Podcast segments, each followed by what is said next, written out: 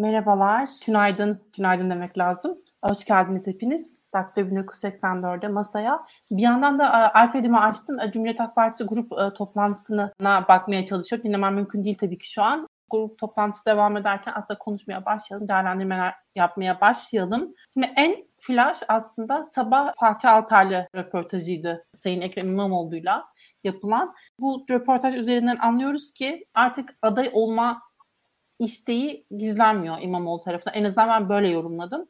Özellikle İmamoğlu'nun yedek oyuncu tabiri üzerinden bakarsak eğer ne söylersiniz?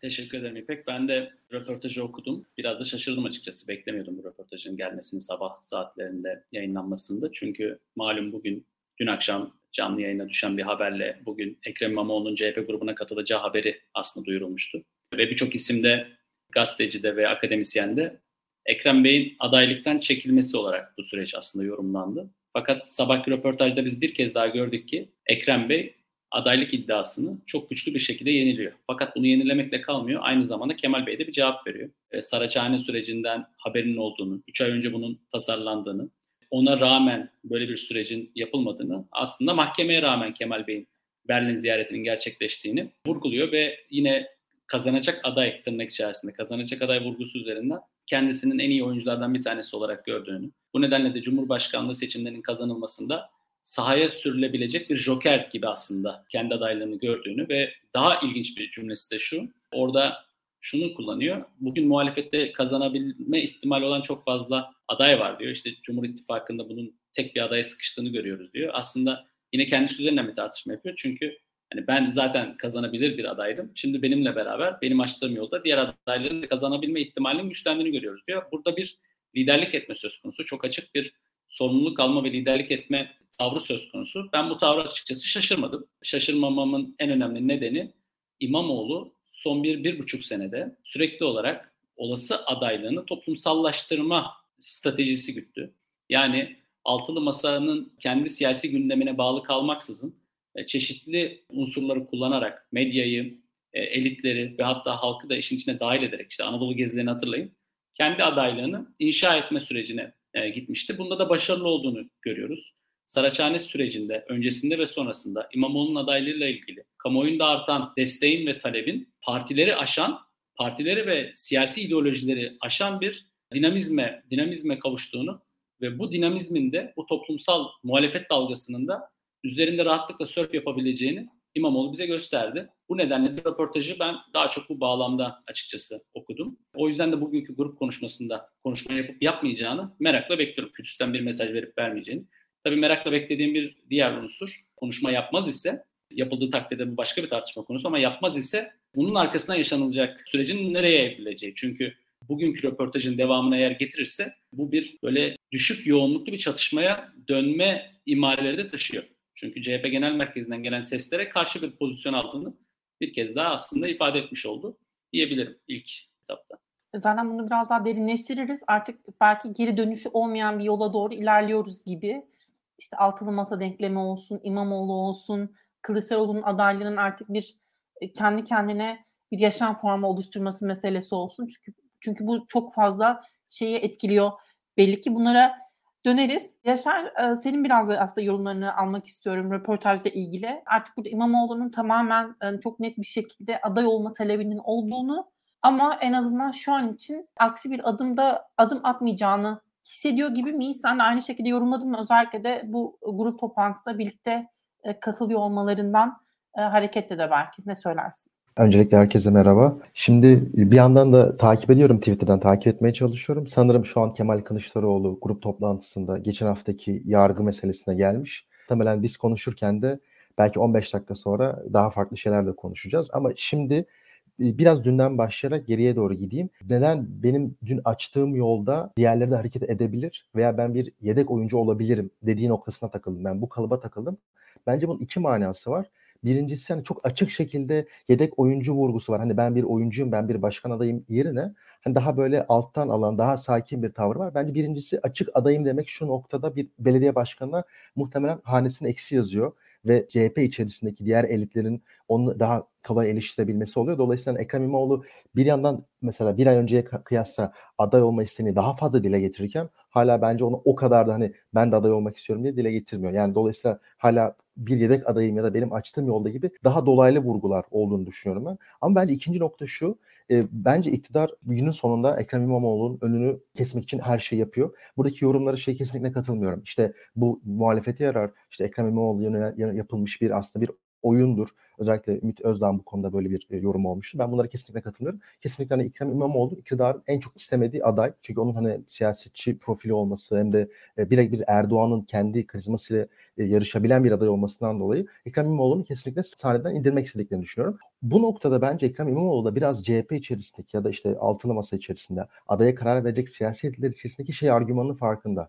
Ya bu Ekrem İmamoğlu'nun üzerinde böyle bir yargı kararı var ve bu yargı kararı üzerinde YSK mesela işte e, birinci turdan ikinci tura geçerken cezasını onarsa aday olabilecek mi? İşte mazbasını vermeyebilir. Bunun gibi aslında iktidar da onun üzerindeki baskıyı sadece yasayla davanın sonucuyla kalmadı. Davanın sonucundan sonra davanın cezasının artırılması yönelik bir talep oldu.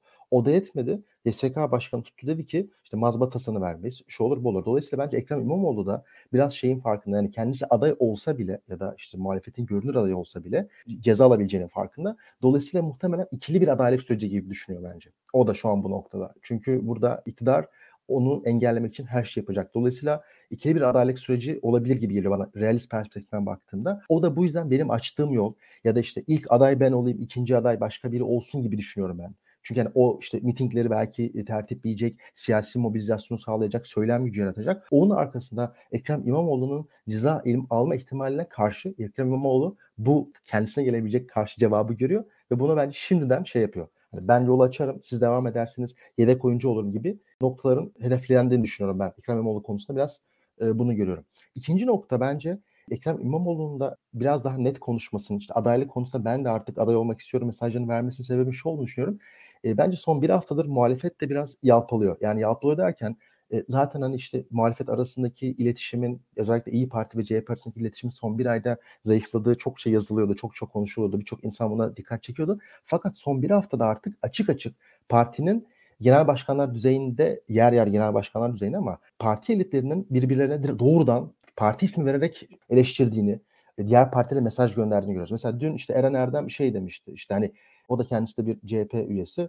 İşte e, Saraçhane mitinginden işte hani Kılıçdaroğlu'nun haberi olmadığını ima etti. Canan Kaftancıoğlu'nun olmadığını ima etti. E, Canan Kaftancıoğlu'nun bilgisi dışında böyle bir mitingin gerçekleştiğini söyledi. Bugün hemen akabinde aynı gün hani İmamoğlu'nun haberi vardı. Saraçhane mitingi 3 ay önce planlanmış demesi bana şaşırtıcı gelmiyor. Artık partiler arası mesajlaşmadaki sürdürülebilirliğin geçtiğini düşünüyorum ben. Parti içerisinde bile farklı hizipler birbirlerine artık sürekli mesaj göndermeye başlıyor. Ben bunu herhangi bir parti pozisyonu içerisine bakmadan muhalefet adına biraz sıkıntılı görüyorum. Yani şu an kurumsal iletişim ve topluma mesaj verme noktasında bir zayıflık var. Çünkü biz aynı gün farklı partiler, aynı partilerden farklı mesajlar duyuyoruz. Şu noktada bence CHP içerisinde hani hem partiler arasında hem de partiler içerisinde de çok net bir güven bunalımı ve bir mesaj yani iletişim anlamında bir ne diyelim bir birlik beraberliğin olmadığını görüyoruz. Bence bu iki nokta e, şimdilik açık net gözüküyor. Bu yüzden de bence İmamoğlu bugün bu açıklama yaparak aslında tekrar e, kendisinin sahada olduğunu, bir aday olarak değerlendirilebileceğini söyledi. Yedek aday olsa dahi. Sen şimdi bunları söylerken bir yandan ben de şeye bakıyorum dediğim gibi e, grup toplantısına. Grup toplantısı benim anladığım kadarıyla bitti ve İmamoğlu'na kürsü bırakılmadı. Evet bitmiş ki Halk TV yayını kesiyor olduğuna göre yavaş yavaş grup toplantısı bittiğini anlıyoruz buradan. İmamoğlu konuşturulmadı. Bu önemli. Hatta direkt bunu sorayım bir yandan. Bir yandan da başlığı okuyorum. Şimdi İmamoğlu ve ben baba oğul gibi izlemiş e, Kılıçdaroğlu kürsüden. E, hem bunu sormak istiyorum hocam hem de bir yanıyla İmamoğlu'nun konuşturulmaması meselesi. Bilmiyorum hangisi daha doğru olurdu zaten. Bu da ayrı bir soru. Bütün bu sorularla sizi şimdi baş başa bırakıyorum. Ne söylersiniz? Şimdi öncelikle şuradan başlayalım. Baba oğul meselesiyle hemen girip ondan sonra bu baba oğlun ne anlama geldiğini Hatta onu da söyleyeceğim. Ee, onunla ilgili de küçük Şehzade Mustafa ve Sultan Süleyman geldi aklıma baba oğul deyince bir yandan. Evet evet. Ee, birkaç kişi de benzer bir bazı başka benzetmeler yapmış. Şimdi bir kere bu baba oğlun kendisine zaten doğal hiyerarşi var. Şimdi Kemal Bey'in en fazla eleştirilen noktası aslında Berlin ziyareti tabii ki çok eleştirildi. Fakat Berlin ziyaretinde daha fazla eleştirilen nokta bu süreci sıradanlaştırması. Şimdi otoriter rejimin en kritik sınavlarından bir tanesi, en kritik seçimlerden bir tanesine gidiyoruz. Bu en kritik seçimde muhalefetin bütün farklı faktörlerini toplayabilecek bana sorarsanız bir buçuk aday var. Yani o bir buçuk adayın bir tane biri Ekrem İmamoğlu. Yani asıl birinci aday olma ihtimali Ekrem İmamoğlu. Onun davasını, onun siyasi yasaklı olma ihtimalini, aslında bir seçim mühendisliğini siz Aziz Kocaoğlu'nun İzmir'deki davasıyla eşitliyorsunuz, sıradanlaştırıyorsunuz. Aslında bugünkü bu Babaoğlu'da sürekli bir hiyerarşi koyma, bu davayı sürekli sıradanlaştırma, toplumsal muhalefetin enerjisini sömüren bir durum oldu. O yüzden bugünkü bu benzetmeye de çok şaşırmadım. Yine bir hiyerarşi koymuş ve yine kürsü bir şekilde bırakılmamış. Çok da önemli siyasi mesajların çıkmadığı bir grup toplantısı olmuş. Fakat CHP'nin evladı kısmı bence daha kritik. Şundan dolayı kritik. Cumhuriyet Halk Partisi'nin üyesi olduğunu herkes biliyor herhalde İmamoğlu'nun. Siyasi kariyerine baktığınız zaman Beylikdüzü de ilçe başkanlığı yapmış, Beylikdüzü belediye başkanlığı yapmış, sonra da Büyükşehir Belediye Başkanlığı yapmış. Hiç kimse Ekrem İmamoğlu'na CHP'li değil zaten demiyor. Fakat neden bu cümleyi kullanma ihtiyacı hissetti? Hemen dün Kemal Bey'in yapmış olduğu röportaja dönmemiz gerekiyor. Bence orada çok ilginç ve aynı ilginç olduğu kadar da sorunlu bir ifade var. O da şu. Burada partilerin iç işlerine karışılmamalı. Bu çok açık bir şekilde Akşener'i hedefliyor. Çünkü Akşener'in İmamoğlu ve Mansur Yavaş'ın adaylığının masaya geldiği takdirde vetolanmayacağını, aksine destekleneceğini e, ısrarla ifade etti. Bu soru üzerine geldiği zaman da iç işlerine karışma cümlesiyle karşılaştı. Şimdi eğer ki İmamoğlu'nun adaylığı, İmamoğlu'nun şahsiyeti, Mansur Yavaş'ın şahsiyeti Cumhuriyet Halk Partisi'nin iç işlerine sınırlandırılabilecek kadar darsa o zaman 2019'daki Millet İttifakı ve Millet İttifakı'nın emekleri, bu ittifak süreci, ittifak sayesinde Kemal'in bugün adaylığını konuşabilmesini nereye oturtacağız? Şimdi bir temel sorun burası. Çünkü öyle bir nokta inşa söylüyorsunuz ki siz hem ortak adaylıktan bahsediyorsunuz. Altı parti eğer bana destek verirse adaylığımı inşa ederim diyorsunuz. Ama arkasından daha önce bir başka partiyle yapmış olduğunuz ittifak neticesinde seçilmiş belediye başkanını bir partinin iç işleri olarak nitelendiriyorsunuz. Şimdi bunu ittifakın e, hukukuna uymadığını düşünüyorum bu açıklamanın. Yani Millet İttifakı'nın birlikte yapmış oldukları bu sürecin, bu mücadelenin, bu emeğin bir şekilde karşılığının çok da verilmeme ihtimalinin yüksek olduğunu düşünüyorum. Bu aynı zamanda Kemal Bey'in adaylığıyla ilgili soru işaretlerini de arttırıyor. Şimdi siz muhalefet partisi olsanız, örneğin Meral Akşener olsanız, hatırlayalım. Mart seçimlerinde değil ama Haziran seçimlerinde hatırlayalım. İlçe ilçe, Kemal Bey'i hatırlamıyorum çok fazla ilçe mitinginde. Meral Hanım'la Ekrem Bey'i hatırlıyorum kürsüde. Birlikte mücadele etmişsiniz, birlikte savaşmışsınız, birlikte belediyeyi yönetiyorsunuz. Değil mi? Bugün birçok belediyeye bağlı iştirakte İyi Partili yöneticileri görüyorsunuz. Yani burada örtük bir aslında yönetim paylaşım var. Örtük bir koalisyon olduğu çok aşikar. Veya siz e, hiç şunu duydunuz mu? Herhangi bir CHP belediyesinde İyi Partili belediye meclis üyelerinin CHP'li belediye başkanına rağmen oy verdiğini veya o kararlara katılmadığını. Hayır her seferinde destek verdiler. Çok açık bir iktidar yani yerel iktidar koalisyonu içerisinde bulundular. Şimdi böyle bir tabloda Akşener yerine kendinizi koyduğunuz zaman Kemal Bey'in ortak adaylığına ilişkin olumlu bir perspektife sahip olması oldukça zorlaşacak. Çünkü bu iç işleri meselesi çok büyük bir sıkıntı olarak karşımıza geliyor. Ben daha önceki yayında, başka bir yayında şunu ifade etmiştim. Kemal Bey çok agresif bir adaylık kampanyası yürütüyor. Bu agresif kampanyanın üç tane sonucu var demiştim. Birincisi e, Kemal Bey'in kendi profiline zarar veriyor. Çünkü kendi profilini daha çok barışçı, uzlaşmacı, e, makamları isteyen değil, makamları isteyenleri birleştiren bir profil olarak sunmuştu. Buna zarar verdi demiştim. Kendi seçmeniyle arasındaki bağı azaltıyor demiştim yine o zaman. Kendi seçmeniyle arasındaki bağın daha fazla azaldığını Saraçhane sürecinde görüyoruz. Saraçhane süreci sonrasında yapılan tartışmalarda görüyoruz. İşte dün yine CHP'ye ilişkin CHP'nin sözcüsü gibi konuşan gazetecilerden ve siyasetçilerin yapmış olduğu açıklamalardan görüyoruz. Seçmenle arasındaki bağın krize girdiğini ve sonuncu olarak da adaylık için belki de daha önemlisi diğer partilerin tabanları ve parti elitleriyle olan yönetim krizine girme ihtimalinden bahsetmiştim. Şimdi bu üçünün de yaşandığı bir süreci aslında görüyoruz. Hem kendi profili hem kendi seçmeniyle arasındaki ilişki hem de diğer muhalif partilerle arasındaki ilişki oldukça gerilmiş durumda. Burada bir panik Peki. hali de var belki ama Hocam e, birazdan açsak olur mu onu diğer turda belki? Özellikle Tabii. ya bu gidişat nereye doğru e, olacak sorusu belki en önemli konu. Belli ki bu haliyle devam edemeyecek. Çünkü burada ciddi problemler olduğunu daha çok belirgin şekilde görüyoruz. Üstelik yarın e, İyi Parti'nin de grup toplantısı var. Akşener'in vereceği mesajları henüz bilmiyoruz. Muhtemelen onda bunlara cevap niteliğinde bir şeyler söyleyecek olsa gerek. Çünkü kulislerde bu konuşuldu. Diye bunu not düşelim ve birazdan devam edelim özellikle bunu konuşmaya. Ee, Yaşar senin yorumlarını merak ediyorum. Sizin hoş geldin bu arada. Hoş bulduk. Çok sevindik aramıza katılmana. Bir yandan da hemen o zaman sana sorayım. Şey baktın mı bu teknik işlerle uğraşırken son kısımlara belki grup toplantısının? Evet. Hemen yorumlarını alabilir miyiz onunla ilgili olarak? Şimdi bir kere bu baba oğul vurgusu tabii Kılıçdaroğlu'nun çok dikkat çekici. İlk bak bakışta bir yandan çok dostça ve gerçekten sahiplenir bir tavır bu. Ama onun ötesinde klasik Türkiye'de klasik Türk aile yapısı ve geleneklere baktığımızda tabii ki babanın sözü dinlenir. Oğul elbette gelecekte belki babanın yerini alacak kişidir. Ama e, önce baba ne derse o olur. Eğer ki babaya isyan ederse oğul ve kendi bayrağını açarsa, kendi yolunda giderse o zaman tabii ki orada bir itilaf çıkar. İşte bir geleneklere karşı çıkma durumu olur. Böyle bir aslında tablo da var ortada. Ya bir yandan çok gerçekten İmamoğlu'nu sahiplenen bir konuşma, bir tavır. Ama öte yandan da baktığımızda tabii ki sen de sıranı bekle gibi de bir mesaj var orada muhakkak ki. Ee, ya gelecek zaten evet önümüzdeki bundan sonraki seçimler veya Cumhurbaşkanlığı eğer bu ivmeyle giderse belki önümüzdekinin önümüzdeki diyelim oğlun olabilir. Ama önce sıra babanın tabii ki. Yaşar sen de aynı fikirde misin? Ee, sıra babanın mı? Bu konuştuğumuz denklemde özellikle bu partiler arasındaki ayrışmayı falan da düşününce bir takım çevreler tarafından iddia edildiği gibi ya da hatta Cumhuriyet Halk Partisi'nin önemli isimlerini vurguladığı gibi bu bir parti iç meselesi mi? Tüm Türkiye'ye mal olan bir olay mı? Ve burada nasıl bir tavır geliştirilmesi meselesine dönersek eğer sen ne düşünüyorsun? Şimdi söylemden ziyade ben biraz daha hani CHP'nin yapmadığı kısımdan biraz ilerlemek istiyorum. Hani bence Ekrem İmamoğlu davası belki ilk gün çok konuşuldu ama hani ben CHP'nin açıkçası bunu devam ettirmesini beklerdim. Hani bu bu ne diyelim net aksiyonlar olmadığı zaman söylemlerinizin altı ne kadar doluyor emin değilim ve onlar her yere çekilebilir oluyor. Yani işte işte CHP'nin öz evladıdır ya da işte biz Ekrem İmamoğlu'yla baba oğul gibi izlemek belki çok olumlu niyetlerle söylenmiş olabilir. Hani bundan emin değilim. E, biz şerh düşüyorum bu söyledim ama hani bunların altı neyle dolduruldu göremedim. Mesela Saraçhane önünde bir işte CHP çadırı olabilir her gün orada bir eylem devam edebilir. İşte ikinci gün, üçüncü gün, dördüncü gün. Hani biz bunu birçok eylemde gördük. İşte içeri giren gazeteciler için yapılıyor. İçeri giren işte iş adamları için kaç gündür içeride olduğu yapılıyor. O davanın süreci takip ediliyor.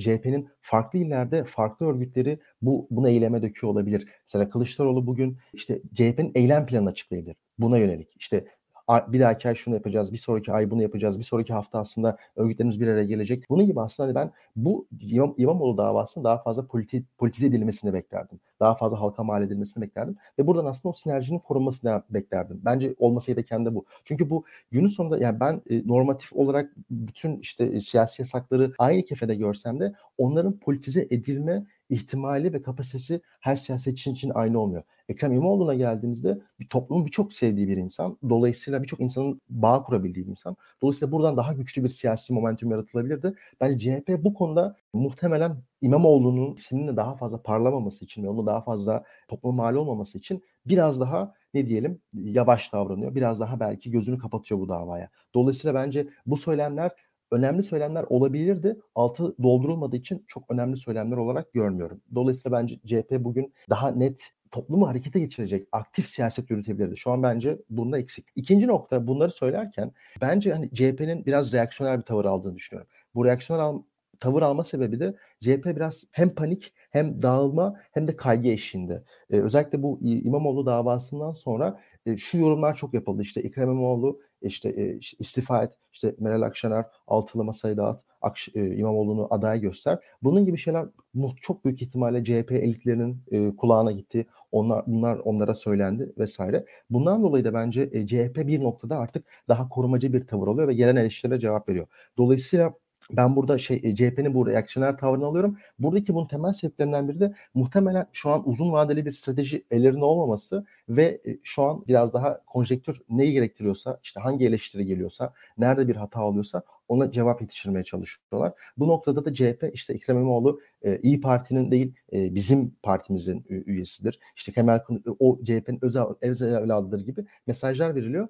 Burada ben e, şunu da söyleyeyim yani CHP'nin bu ne diyelim korumacı tavra girmesi bence çok anlaşılmaz bir şey değil. Ekrem İmamoğlu'nu sahiplenmek istiyorlar. Çünkü Ekrem İmamoğlu önemli bir siyasetçi. Fakat bizatihi Ekrem İmamoğlu'nu da biraz iyi Parti'ye doğru yakınlaştıran şey Kemal Kılıçdaroğlu'nun demin bahsettiğim ilk tavrı oldu. Yani belki Ekrem, Ekrem İmamoğlu daha fazla e, sahip çıkılsaydı, belki onun arkasında daha fazla durulsaydı böyle bir aslında siyasi boşlukta olmayacaktı. Dolayısıyla CHP'nin aslında e, Kılıçdaroğlu ve Ekrem İmamoğlu'nun beraber hareket etmemesi parti teşkilatlarıyla e, parti elitinin yani diyelim Ekrem İmamoğlu ile parti teşkilatları arasındaki oluşan boşluk biraz aslında Ekrem İmamoğlu'nu biraz daha iyi parti kanalına doğru ilerletti. Bence aslında biraz CHP şu an e, kendi düştüğü hatadan sonucunu yaşıyor.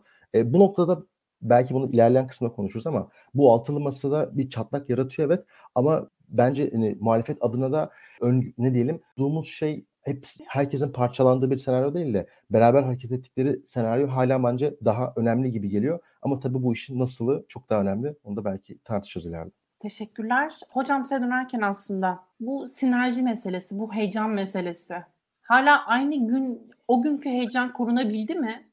Çünkü belli ki üzerine su söndürücü işte su söndürücü ne ya? Yangın söndürücüyle gidiliyor. Yani ve aynı tepkinin korunabildiği konusunda biraz şüphelerim var.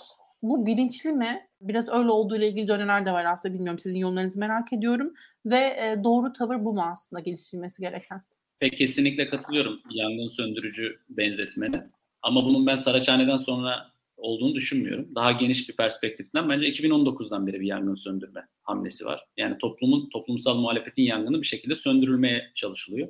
Söndürülmeye çalışılan yangını söndürenlerin de e, kurumsallaştığı yer ne yazık ki altılı masa. Şimdi neden böyle söylüyorum? Çünkü şimdi 2019 yerel seçimlerinde muhalefet büyük bir zaferle kazandı. Bence beklemediği kadar büyük zafer kazandı. Çünkü iki parti burada ve İyi Parti büyük bir sinerjiyle kendilerine oy vermeyen, AKP'ye oy veren çekirdek muhafazakar toplumsal grupları bile bu sinerjiye dahil ettiler, bu enerjiye, heyecana dahil ettiler ve kendi saflarına çekebildiler. Fakat o günden beri yaşanan ekonomik krize rağmen, Covid'de yaşanan zorluklara rağmen, güvenlik krizine rağmen, değil mi? Göçmen meselesi vesaire. Krizine rağmen muhalefetin büyüyen bu toplumsal dalgadan daha az pay aldığını görüyoruz. Burada da aslında altılı masa bizim için çok net bir gösterge oluyor. Çünkü altılı masa tam tersine toplumsal muhalefetin bir büyük bir parçası olarak e, kabul etmenin çok zor olacağı, çok küçük siyasi partilerin çekinceleri üzerine siyaset yapma ya kendisini kurgulamış durumda. Yani dün aslında Kemal Bey'in röportajında bir kez daha bu psikolojiyi görüyoruz. Orada altı liderin de Cumhurbaşkanı adayı olmaya layık olduğunu söylüyor ki 2019 ile 2021 arasındaki konuşmalarına bakarsanız siyasi liderlerin genel başkan olmaması gerektiğini ısrarlı bir şekilde vurgulamıştı. Dün altı liderden bir tanesi olarak örneğin Gültekin Uysal aldığımız zaman %0.1, 0.2'lik bir partinin genel başkanı, cumhurbaşkanı olmayı hak ediyor da böyle bir statüyü, böyle bir büyük sorumluluğu taşımayı hak ediyor da iki tane büyük şehrin milyonlarca insanın oy verdiği, siyasal İslam'ın 1995'ten beri hüküm sürdüğü iki şehri yöneten belediye başkanları bunu hak etmiyor mu? Yani burada çok ciddi motivasyon kaybettiren, insanların heyecanını söndüren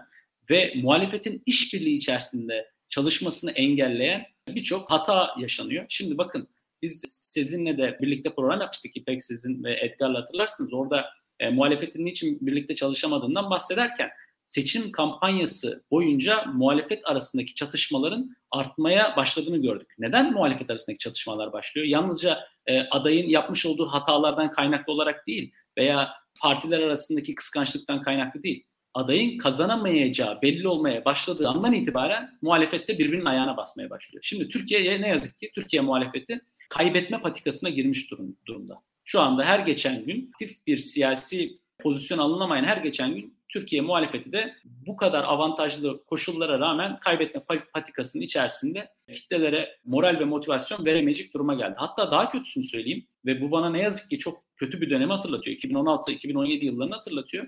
Çok da açmak istemiyorum açıkçası. Hani gerçekten burada böyle biraz duygusal da konuşmak istemiyorum ama rencide edici de olmak istemiyorum. Bakınız muhalefetin toplumsal desteğe sahip aktörlerinin iktidar medyasının servis ettiği söylemle ve strateji stratejiyle terbiye edildiği bir dönem yaşıyoruz şu anda. Yani bu çok acı bir durum. Hakikaten çok acı bir durum.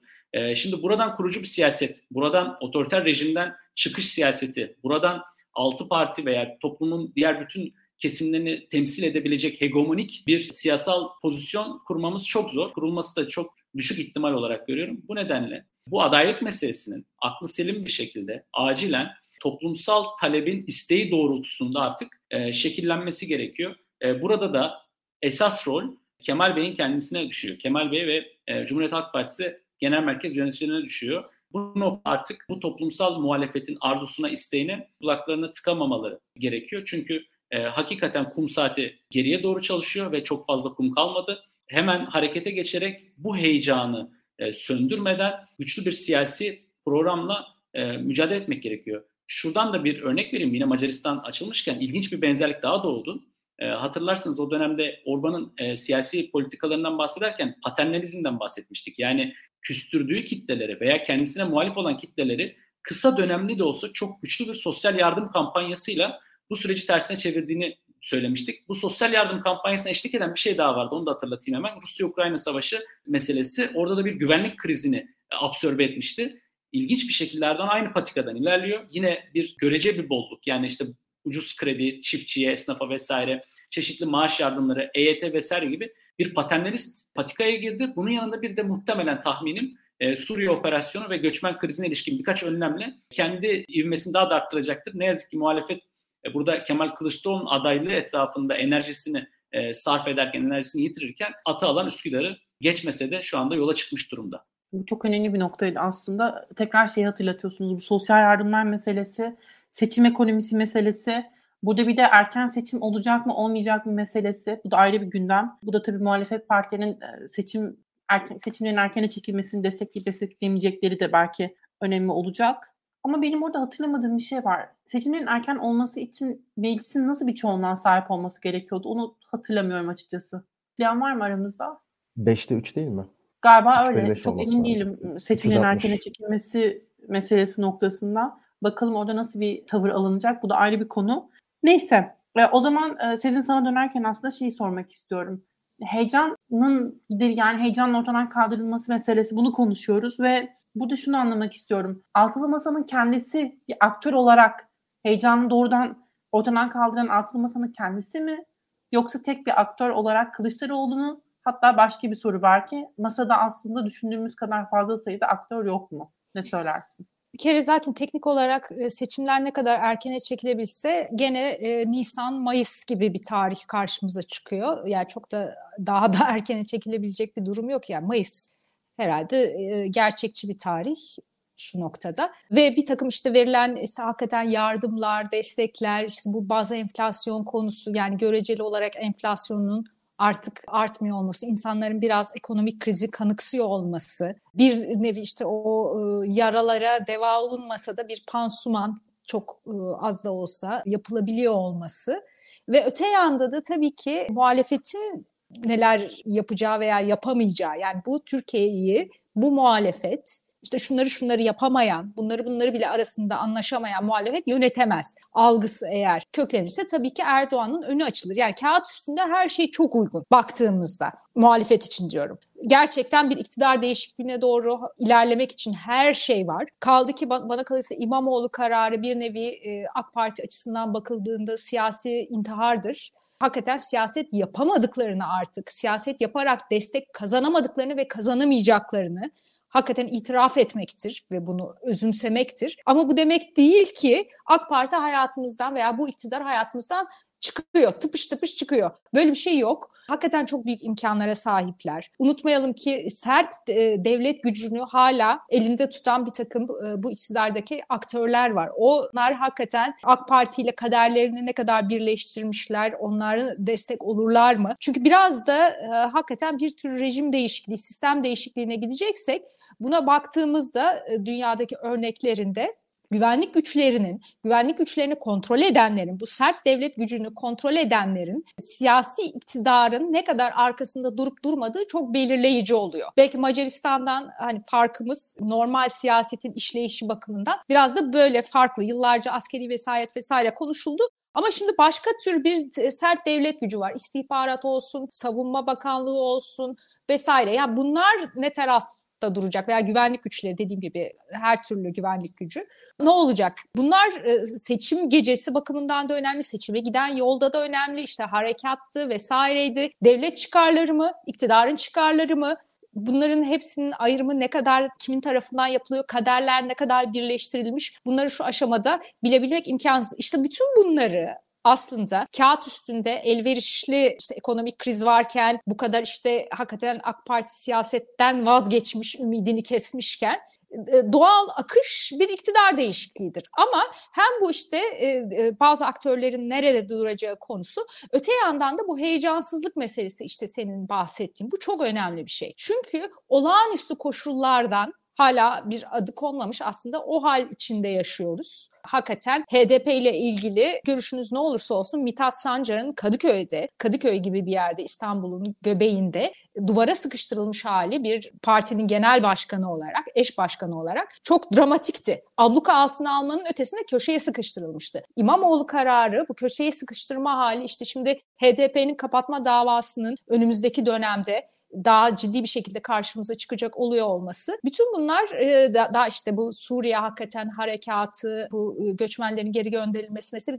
birbirlerine eklemlenerek bir yandan muhalefetin alanı daraltılırken diğer yandan da bu tür aslında toplumda dikkatleri ekonomiden bambaşka yerlere çekecek konularla böyle bir kaotik döneme gidiyoruz. Buradan çıkışın formülü hakikaten bir heyecanla olabilir. Aslında İmamoğlu kararı, hani ben İmamoğlu'nu destekleyen bir insan değilim böyle bir özel ilgim veyahut da e, şimdiye kadar bir yönelimim yok. Ama o gün o kararla beraber fark ettim ki hakikaten böyle bir ateşe ihtiyaç var. Çünkü sakin sakin işte sistem değişiyor zaten tıpış tıpış gidip oy verinle olacak bir şey değil bu. Oyların korunmasından bütün bu sürecin önümüzdeki tarihin hızlandığı bu sürecin yaşanmasına gerçekten bu ateşe ihtiyaç var. Mesela 101 yaşındaki bizim de aile dostumuz olan Nervin Abadan Unat'ın kalkıp gerçekten hayatını tehlikeye atarak çünkü normalde sokağa çıkması veyahut da insan içine karışması çok kolay bir insan değil. Bunu birebir biliyorum. Mesela onun onu yapıyor olması çok büyük bir şey. Ama bunu aynı zamanda gençler de yapıyor, çocuklar da yapıyor. Özellikle genç seçmenin sandığa gidecek olması,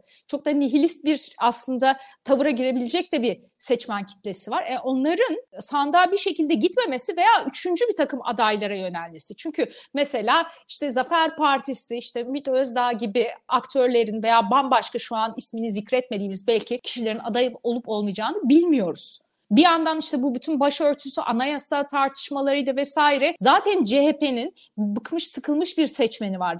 E, yıllardır sandığa böyle taban olarak e, hiç onore edilmeden gideceksiniz zaten oy vereceksiniz gibi gönderiliyorlar. E şimdi onların bu mesela düzenlemeleri bir isyanı ve o duygusallığı bam, e, yanlış biçimlerde ben bir duygusallık evet gerekli ama savrulan bir duygusallık bambaşka taraflara doğru daha da kötü sonuçlar da doğurabilir. Yani bir yandan o ateşin sönmesi kötü bir yandan bambaşka bir yangın halde oraya buraya sıçrayıp hakikaten dağılmalara neden olması kötü hakikaten bir toparlayacak ve ümidi getirecek. Yani evet siyasette bu ateşe de ihtiyacımız varmış. Sonuçta çok olağan koşullarda yaşamıyoruz çünkü Türkiye'de.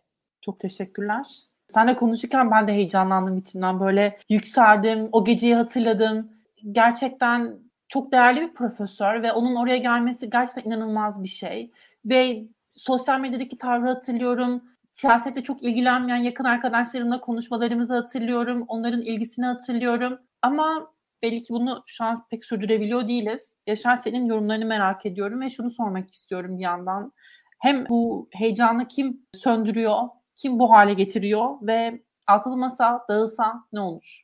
Ya aslında dürüst olmak gerekirse tek suçluyu da altılı masada görmüyorum. Çünkü çok zor bir siyaset sahnesi var şu an. Yani e, çok konuşuldu zaten siz de bahsettiniz. Yani iktidarın elinde müthiş bir e, oyun alanını belirleme gücü var. Yani yargı gücü var, işte bürokrasi gücü var, ekonomi gücü var. Çok konuşuldu. Ekstra şey bile söylenebilir. Daha geçenlerde Rusya ile bir doğalgaz anlaşması konuşuluyordu. Ödemelerin ileri tarihi ilerlemesine rağmen, yani ileri tarihe atılmasına dair. İşte orada 5 milyar dolar gibi bir rakamdan bahsediyor. Yani bu derece güçlü olan bir iktidar var karşımızda. Oyunun kurallarını değiştiriyor. Ve dürüst olmak gerekirse bugün Ekrem İmamoğlu'na bir siyasi yasak verildi. Yarın kayyum atanabilir. Ki Süleyman Soylu bunu açıkça söyledi. Ceza onansın, bugün onu görevden alırım dedi. Yarın HDP e, kapatılabilir. Çok olabilir bir şey bu. Yarın e, Twitter başlatılabilir. Yani bunların hepsi olabilir şeyler. Çünkü iktidarın elinde müthiş bir oyun alanı gücü belirleme var. Ama siyaset sahnesini muhalefete çevirdiğimizde de muhalefetteki siyasetçiler de böyle her biri bir melek toplumu tamamen düşünen insanlar değil. Yani siyasetin doğası gereği onların da kendi çıkarları var. Her parti aslında aynı anda seçimi kazandıklarını düşündükleri için şu ana kadar post Erdoğan sonrasında dizayn etmeye çalışıyor. Ve bu sadece hani e, Kılıçdaroğlu veya CHP içerisinde değil. Hani mesela İyi Parti de bunu yapıyor. Mesela Meral Akşener dedi ki ben başbakan adayım dedi. Yani ortada bir başbakan postu yok. Öte yandan daha böyle Deva'nın Saadet Partisi'nin Kılıçdaroğlu'yla beraber hareket etmesinin arkasında ne var? E tabii ki altılı masanın biraz daha oy oranına göre değil de lider düzeyinde güç dağıtması var. Onlar da tabii ki İyi Parti'nin onlara yaptığı reaksiyonu görüyorlar ve Kılıçdaroğlu'na daha fazla yakınlaşıyorlar. Dolayısıyla iktidarın elinde bir oyun belirleme gücü varken muhalefetin içerisinde de parti elitleri içerisinde bir çıkar çatışması var ve hepsi aslında kendi pozisyonunu maksimize etmeye çalışıyor aynı anda. Bir yandan ben toplum olarak da bizim biraz e, çok duygusal iniş ve çıkışlarımızın olduğunu düşünüyorum. Şu an gözümüz Kılıçdaroğlu'na kilitlenmiş durumda ama çok değil mesela 4-5 önce Ekrem İmamoğlu işte bir e, Rize'ye gitmişti yanılmıyorsam ve orada da bir işte gazeteciyle görüştüğünde şu an e, Nagen Alçı'da evet, Nagen Alçı'yla görüştüğünde hani çok severiz sevmeyiz vesaire ama hani o gün işte 40 bin 50 bin kişi bir araya geldi. Ekrem İmamoğlu bitti kaybetti işte ikinci Erdoğan olduğu belli değil mi zaten? Hani bu tabii ki eleştiriler çok doğal ama hani reaksiyonlarımız da biraz 20 yılın belki öfkesiyle beraber çok şey olmuş durumda. Hani biz de biraz yıpranmış durumdayız. Bunları anlatma sebebim şu. Çok güçlü bir iktidar var. Elitler kendi arasında, muhalefet elitleri kendi arasında bir e, güç mücadelesi içerisinde biz de çok yıpranmış durumdayız. Burada bence e, İlteriş Hocam'ın dediği o kaybetme patikasına girmeye başlıyoruz. Yani bütün bu iktidar Ekrem İmamoğlu hamlesini yaptığı anda muhalefet şunu düşünmek yerine ya biz bu karara nasıl tepki koyabiliriz? Bundan nasıl faydalı çıkabiliriz diye düşünmek yerine hemen bunun olacağı belliydi. Kaybedecektik. İktidarı böyle yapıyor. İşte Ekrem İmamoğlu'nu aday gösterelim. Altılı masa dağılsın. Muhalefet beraber hareket edemez gibi. Hani e, günün sonunda bence daha yıpratıcı, şahin ve o negativiteyi de besleyen ve zaten olayların buraya geleceğini hani ne diyelim e, buradan güçlü bir siyaset ya da siyaset momentum yaratılmayabilir. Güçlü bir duygusallık yaratılabilir ama güçlü bir siyasi momentum yaratılır mı emin değilim. Bunu şunu da söylemek için şimdi altılı masaya noktasına gelirsek altılı masa şu an şöyle kilitlenmiş durumda. Bence hangi siyasi hamle yapacağını bilmiyorlar. Çünkü Ekrem İmamoğlu'nun aday gösterildiği senaryoda bile şunun iyi hesaplanması lazım. Bilmiyorum belki ben bunu abartıyorum ama gerçekten bir YSK kararı var önünde ve ikinci aday kim olacak? Yani yedek adayla mı çıkılacak? Yedek adayla çıkılacaksa siyaset sahnesinde nasıl bir siyasal iletişim benimsenecek? İkinci aday kendisi kim olacak? O da bir CHP'li mi olacak mesela? Ya da işte Kılıçdaroğlu mu olacak? Mansur Yavaş mı olacak? Mansur Yavaş olursa HDP'nin tepkisi ne olacak? Bunun gibi aslında iktidarın elinde bir oyun o belirleme gücü var. Bu oyun belirleme gücüne dair muhalefetin 2-3 adım sonrasını düşünmesi gerekiyor. Ve işin daha kötüsü bence şu, belki bununla bitireyim. Heyecan yaratma kısmına geldiğimizde Ekrem İmamoğlu'nun yarattığı heyecan bir yandan hani ben politize edilmeli falan demiştim Ekrem İmamoğlu davası. Ama Ekrem İmamoğlu'nun siyasete politize etme şekli böyle kamplara ayırmadan ziyade ne gibi görüyoruz? İşte çıkıyor insanlarla konuşuyor, herkesle konuşuyor, Kürtlerden destek alıyor, eski ülkü, ülkücüler destekledi. Hani herkesin ehveni şeri Ekrem İmamoğlu. Bence kimsenin müthiş, en sevdiği insan değil ama herkesin olmaz demediği bir insan.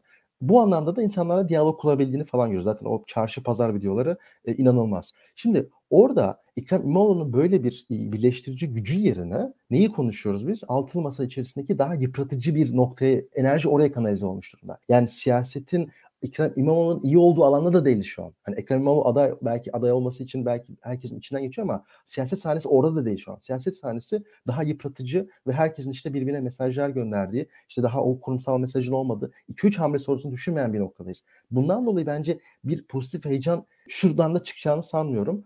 Ya şu noktada benim tek diyeceğim şey şu. Belki hani yine biraz duygusal bir nokta gidecek ama yani o bence kaybetme patikasını artık onu nasıl adlandırırsak o kaybedeceğiz. O olumsuzluğa kapılmamak önemli. Çünkü biraz burada ne diyelim olumlu ve olumsuz duygular aynı anda olmalı. Çünkü iktidar bunu yapacak. Bunda farkındayız ve bizim kendi çıkar çatışmalarımız da var. Evet herkes Erdoğan sonrasında en güçlü insan olmak istiyor. Ama oraya gelmemiz için de önce o e, Erdoğan'da yani Cumhurbaşkanı Erdoğan'ın gönderilmesi gerekiyor. Dolayısıyla aslında biraz bunların da farkında olmak lazım. Bunu Kılıçdaroğlu ve Altılı Masa'nın elinde muhtemelen bu. Umarım onlar da bu ellerindeki o tarihi misyonun büyüklüğünü fark Bu senin özellikle bahsettiğin işte gazeteciler olsun, siyasi elitler olsun, Erdoğan sonrası için böyle inanılmaz heyecanlanan ve rol kapmaya çalışan insanlar. Bu insanları çok gıpta ediyorum yani. inanılmaz bir rahatlık, inanılmaz bir mental rahatlama olsa gerek. Çünkü bilmiyorum bunu ben hiç hissetmiyorum. Bu korkudan hiç azade değilim. Ve çok fazla insan tanıyorum ki bu korkuyla her gün yaşıyorlar. Hala devam edecek. Burada hiçbir şey değişmeyecek. Seçimler yine bir şekilde Erdoğan'ın galibiyetiyle sona erecek diye. Bu korku yaşayan milyonlar varken aksi yönde küçük böyle e, hesaplaşmalar için olan insanları hani çıkarları için bir şeylerin peşinden koş, koşulmasına hiç şaşırmam. Bu bence çok olan bir şey. Yani her insan böyledir zaten aşağı yukarı ama bunun bir rasyonellik çerçevesinde olması gerektiğini düşünüyorum ben naçizane dedikten sonra şimdi artık böyle son e, kapanışı yaparken belki gelecek senaryoları konuşalım diye düşündüm. İşte Kılıçdaroğlu ile İmamoğlu'nun her iki aktörün de aday olma isteklerini, arzularını biliyoruz. İyi Parti'nin Kılıçdaroğlu'nu desteklemediğinin farkındayız. Ve işte bir yedek aday, işte YSK Başkanı'nın yaptığı bazı açıklamalar, işte seçimlerde yarışabilir, adaylığı ortadan kalkmaz, iptal olmaz ama mazbatayı vermeyiz gibi gibi bir sürü farklı aktör, bir sürü farklı talep ve gelecekte ne olacak? Önümüzde yaklaşık 4 ay, 5 ay kalmışken. Hocam ne söylersiniz? Şimdi şu İmamoğlu davası ve yedek adayla ilgili birkaç şey ben de söylemek istiyorum. Şimdi birçok otoriter rejim çalışan akademisyen var. İşte herkes farklı ülkeler üzerinden bazı deneyimler elde ediyor. Fakat hepsinin ortak noktası şu aslında. Cesur olmadığınız zaman, cesaretle hareket etmediğiniz zaman bu rejim sizi eziyor. Yani geri adım attığınızda o iki defa iki tane tekme atıyor. Şimdi bana sorarsınız muhalefetin elinde büyük bir cevher var. Bu cevher şöyle bir cevher. Genelde otoriter rejimlerde muhalefet genelde salonlara hapsoluyor. Bizim sokakta siyaset yapmayı bilen, iktidarın diliyle konuşmayı becerebilen çok iyi bir siyasi şeyimiz var. E, siyasi aklımız var. Siyasi bir bana, bana sorarsanız bir deha var açıkçası karşımızda. Çünkü bunu görmemiz lazım. Çünkü İstanbul seçimleri çok e, zorlu bir seçimdi ve buradan büyük bir başarıyla çıktı. Şimdi kendi zaferini e, kendimiz e, küçültüyoruz. Bana çok garip geliyor. Bu bir. iki bu yedek aday meselesi. Şimdi öncelikle yedek aday vesairesinin konuşulmaması bile bence gerekiyor. Çünkü bu bir mücadele. Bu bir siyasi mücadele. Bu bir hukuki mücadele değil. Bu siyasi mücadelenin sonuna kadar devam ettirilmesi gerekiyor. Sonuna kadar arkasında durulması, İmamoğlu'nun adaylığını... Yani dişe diş kanakan gibi mi? Yani Kesinlikle öyle. Kesinlikle öyle. Çünkü bakınız 2019'da da böyle oldu. Dişe diş kanakan olmadı mı? Yani 2019 e, Mart'ında elinden gidiyorduk belediye başkanlığı. Biz bunu 2014'te yaşadık. Arkadaşlar Ankara'da hatırlayalım. E, Mansur Yavaş'ın elinden belediye başkanlığı alındı. Şimdi buna 2019'da muhalefet izin vermedi. Şimdi bu bağlamda baktığımız zaman yedek adayın ilanı bile e, bir geri adım atmak olarak bana sorarsanız anlaşılabilir. Bu nedenle de eğer İmamoğlu aday olacaksa ki bana sorarsanız olmalı e, bunun arkasında güçlü bir şekilde durulmalı ve kampanyaya başlatılmalı. Şimdi birinci durum bu. İkinci durum bu saatten sonra şu altılı masa ile ilgili birkaç durum var. Bu altılı masanın ile ilgili şimdi dün yine yapılan tartışmada bir çoklu adayın gündeme gelme ihtimalinden bahsediyor Kemal Bey. Hakikaten altılı masa ne masası? Yani altılı masanın kurulmasının nedeni Kemal Bey'in adaylığı mı? Eğer Kemal Bey'in adaylığı için altı parti bir araya geldiyse yani bu niyetle bu masa kurulduysa ben buradan e, ortak aday çıkma ihtimalini sıfıra yakın görüyorum. Çünkü şu ana kadar anladığımız kadarıyla e, Meral Akşener ve İyi Parti Kemal Kılıçdaroğlu'nun adaylığına evet demeyecek. Demesi de kendisi açısından, siyasi statüsü açısından bence doğru olmaz. Neden doğru olmaz derseniz çünkü seçmenini sandığa götüremez. Bu seçmen çeperde bir seçmen. Sağ partilere rahatlıkla oy verebilen bir seçmen. Dolayısıyla İyi Parti'nin genişleme e, şansını hemen hemen kaybedebilme ihtimalinin olduğu bir adaylık stratejisi üzerinden masaya oturması anlamına gelir ki bunu kabul etme ihtimalini düşük görüyorum. Şimdi Peki nasıl bir sürece evrilebilir? Çoklu aday senaryosu gündeme gelebilir. Çoklu aday senaryosunda da iki temel bence e, strateji olmalı. Biri makro, biri mikro. Eğer Ekrem Bey, Cumhuriyet Halk Partisi'nin mevcut hiyerarşik sınırlarını zorlamadan bu süreci götürmeyi kabul ederse tahminim genel başkanlar aday olur. Ve bunun sonucunda Cumhurbaşkanlığı muhtemelen kaybedilir. E, parlamento için hala küçük bir umut var böyle bir tabloda.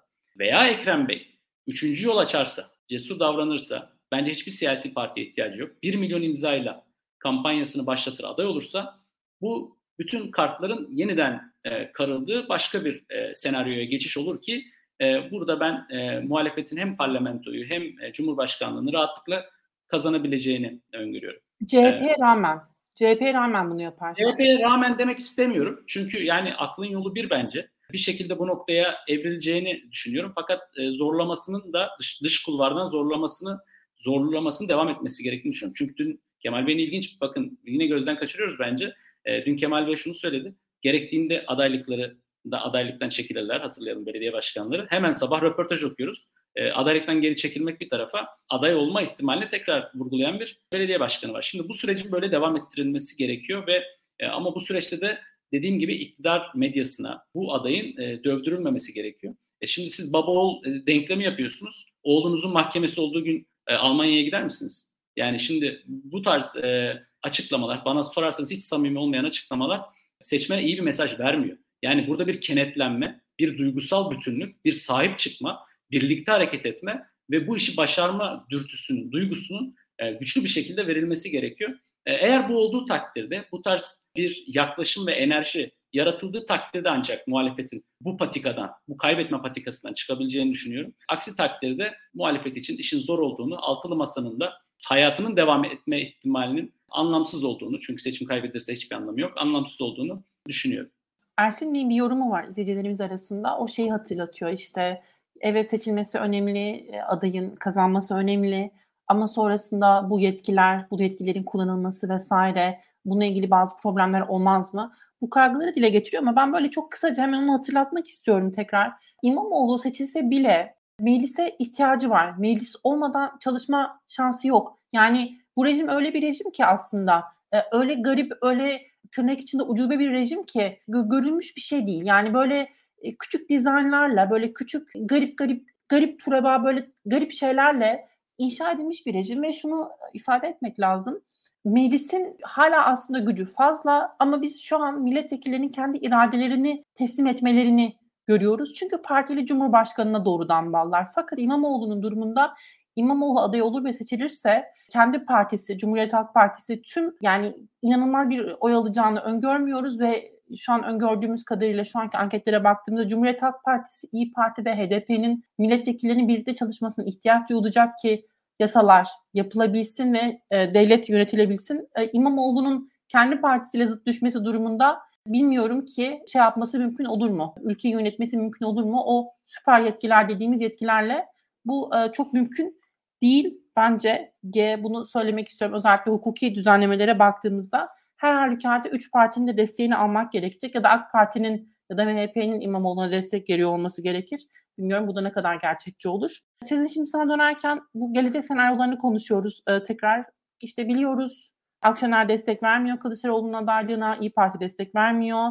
Diğer aslında aktörlerin de Kılıçdaroğlu'nun adaylığına yüzde yüz destek verip vermediklerinden emin değiliz. Bilmiyorum Babacan aynı fikirde mi mesela? Emin değiliz bununla ilgili. Ama sen gelecek senaryolara baktığında ne düşünüyorsun? Sence hangisi en muhtemel? Ne dersin? Aslında bugün Kılıçdaroğlu bir kez daha bu adaylık tartışmalarına nokta koydu ve o ve çevresindekilerin beklentisi şu an daha CHP'de egemen olan grubun sadece Kılıçdaroğlu'nun yakın çevresi, kendi biraz da kapattığı yakın çevreden bahsetmiyorum. Beklenti burada bir e, yatışmanın söz konusu olması, İmamoğlu'nun da bir nevi geri adım atarak veyahut da işte bu baba oğul çerçevesindeki oğul ıı, fotoğrafına oturarak oradan kaldığımız yerden devam ediyor olmamız ve tabii ki işte e, Kılıçdaroğlu'nun da belki bu süreçte daha fazla belediye başkanlarını Mansur Yavaş'ı da Ekrem İmamoğlu'nu da e, çerçevenin içine oğullar olarak bir de diğer oğul var tabii alması belki bekleniyor. Fakat bu işte kağıt üstündeki hesaplar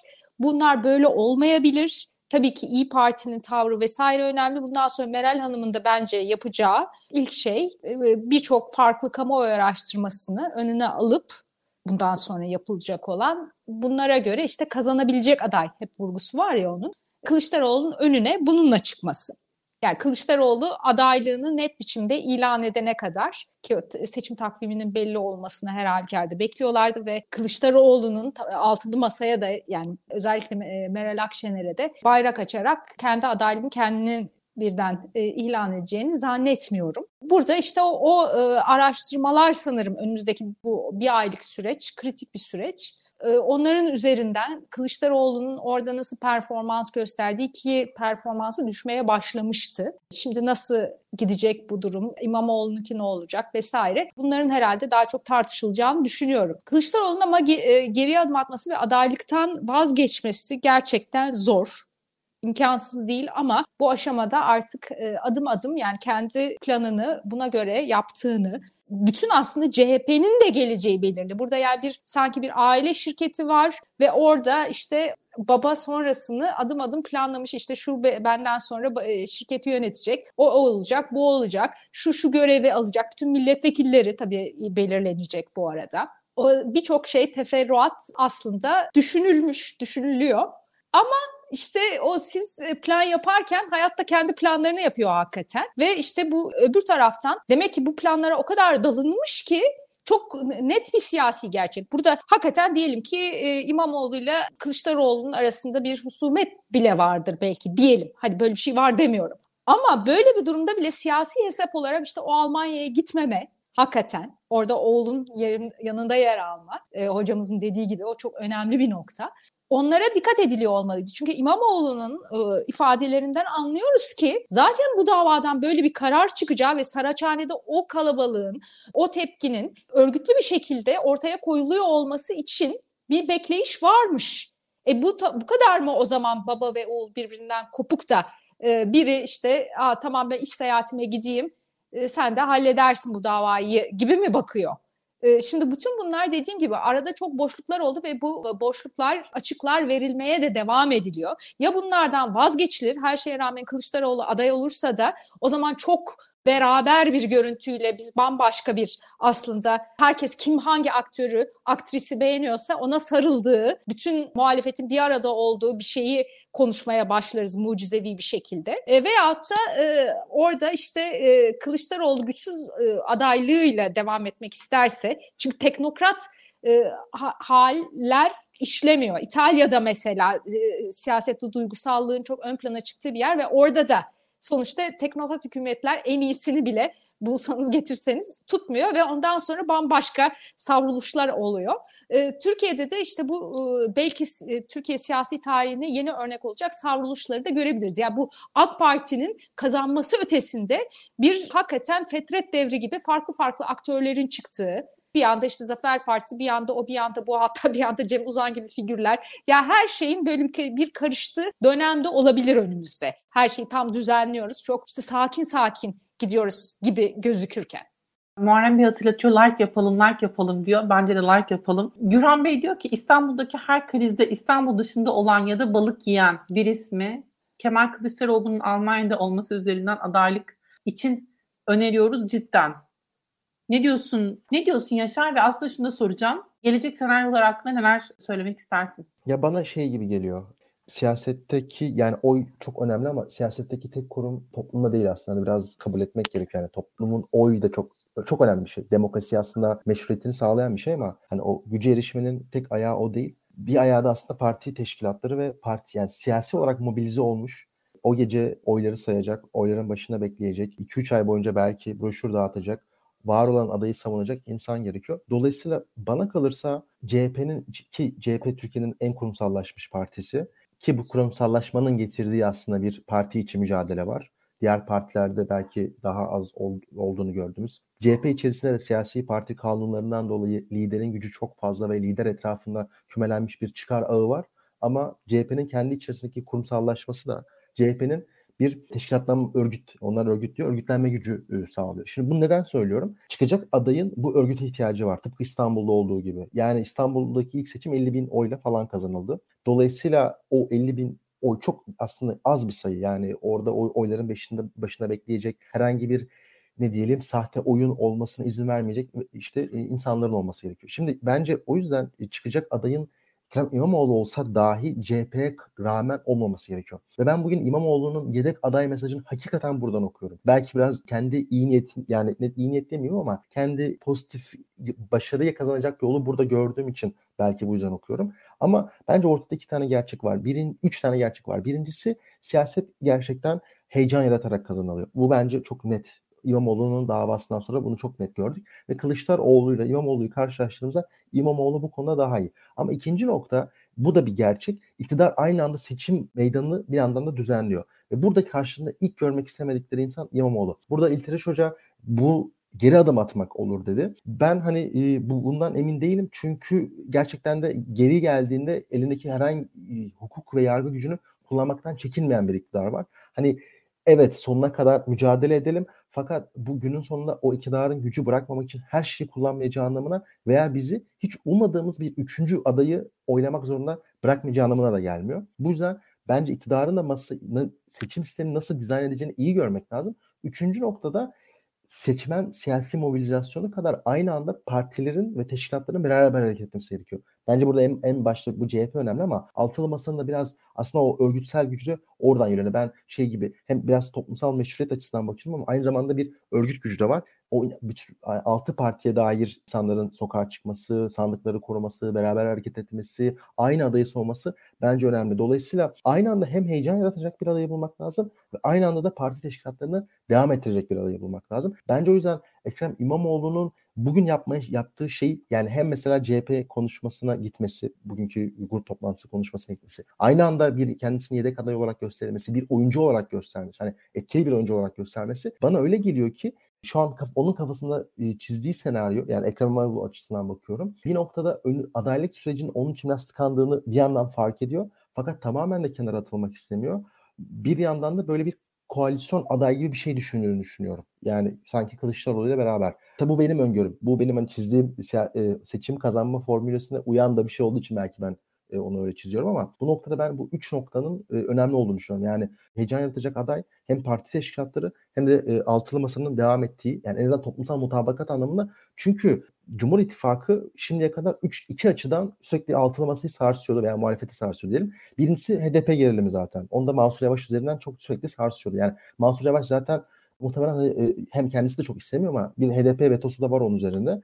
Öyle gözüküyor. Ki Cumhur İttifakı bunu sürekli yaptı. Ama ikinci olarak da aynı anda Akşener'e de yükleniyordu. Yani işte yuvana dön, buraya gel, orada ne işin var gibi şeyler söylüyordu. Şimdi onun üçüncü bir hat eklendi. O da CHP'nin içinden de bir yükleniyor. Dolayısıyla aslında altılı mas yani bence Cumhur İttifakı'nın en istediği senaryo hem Kılıçdaroğlu'nun aday olduğu hem de altılı masanın dağıldığı senaryo olacak.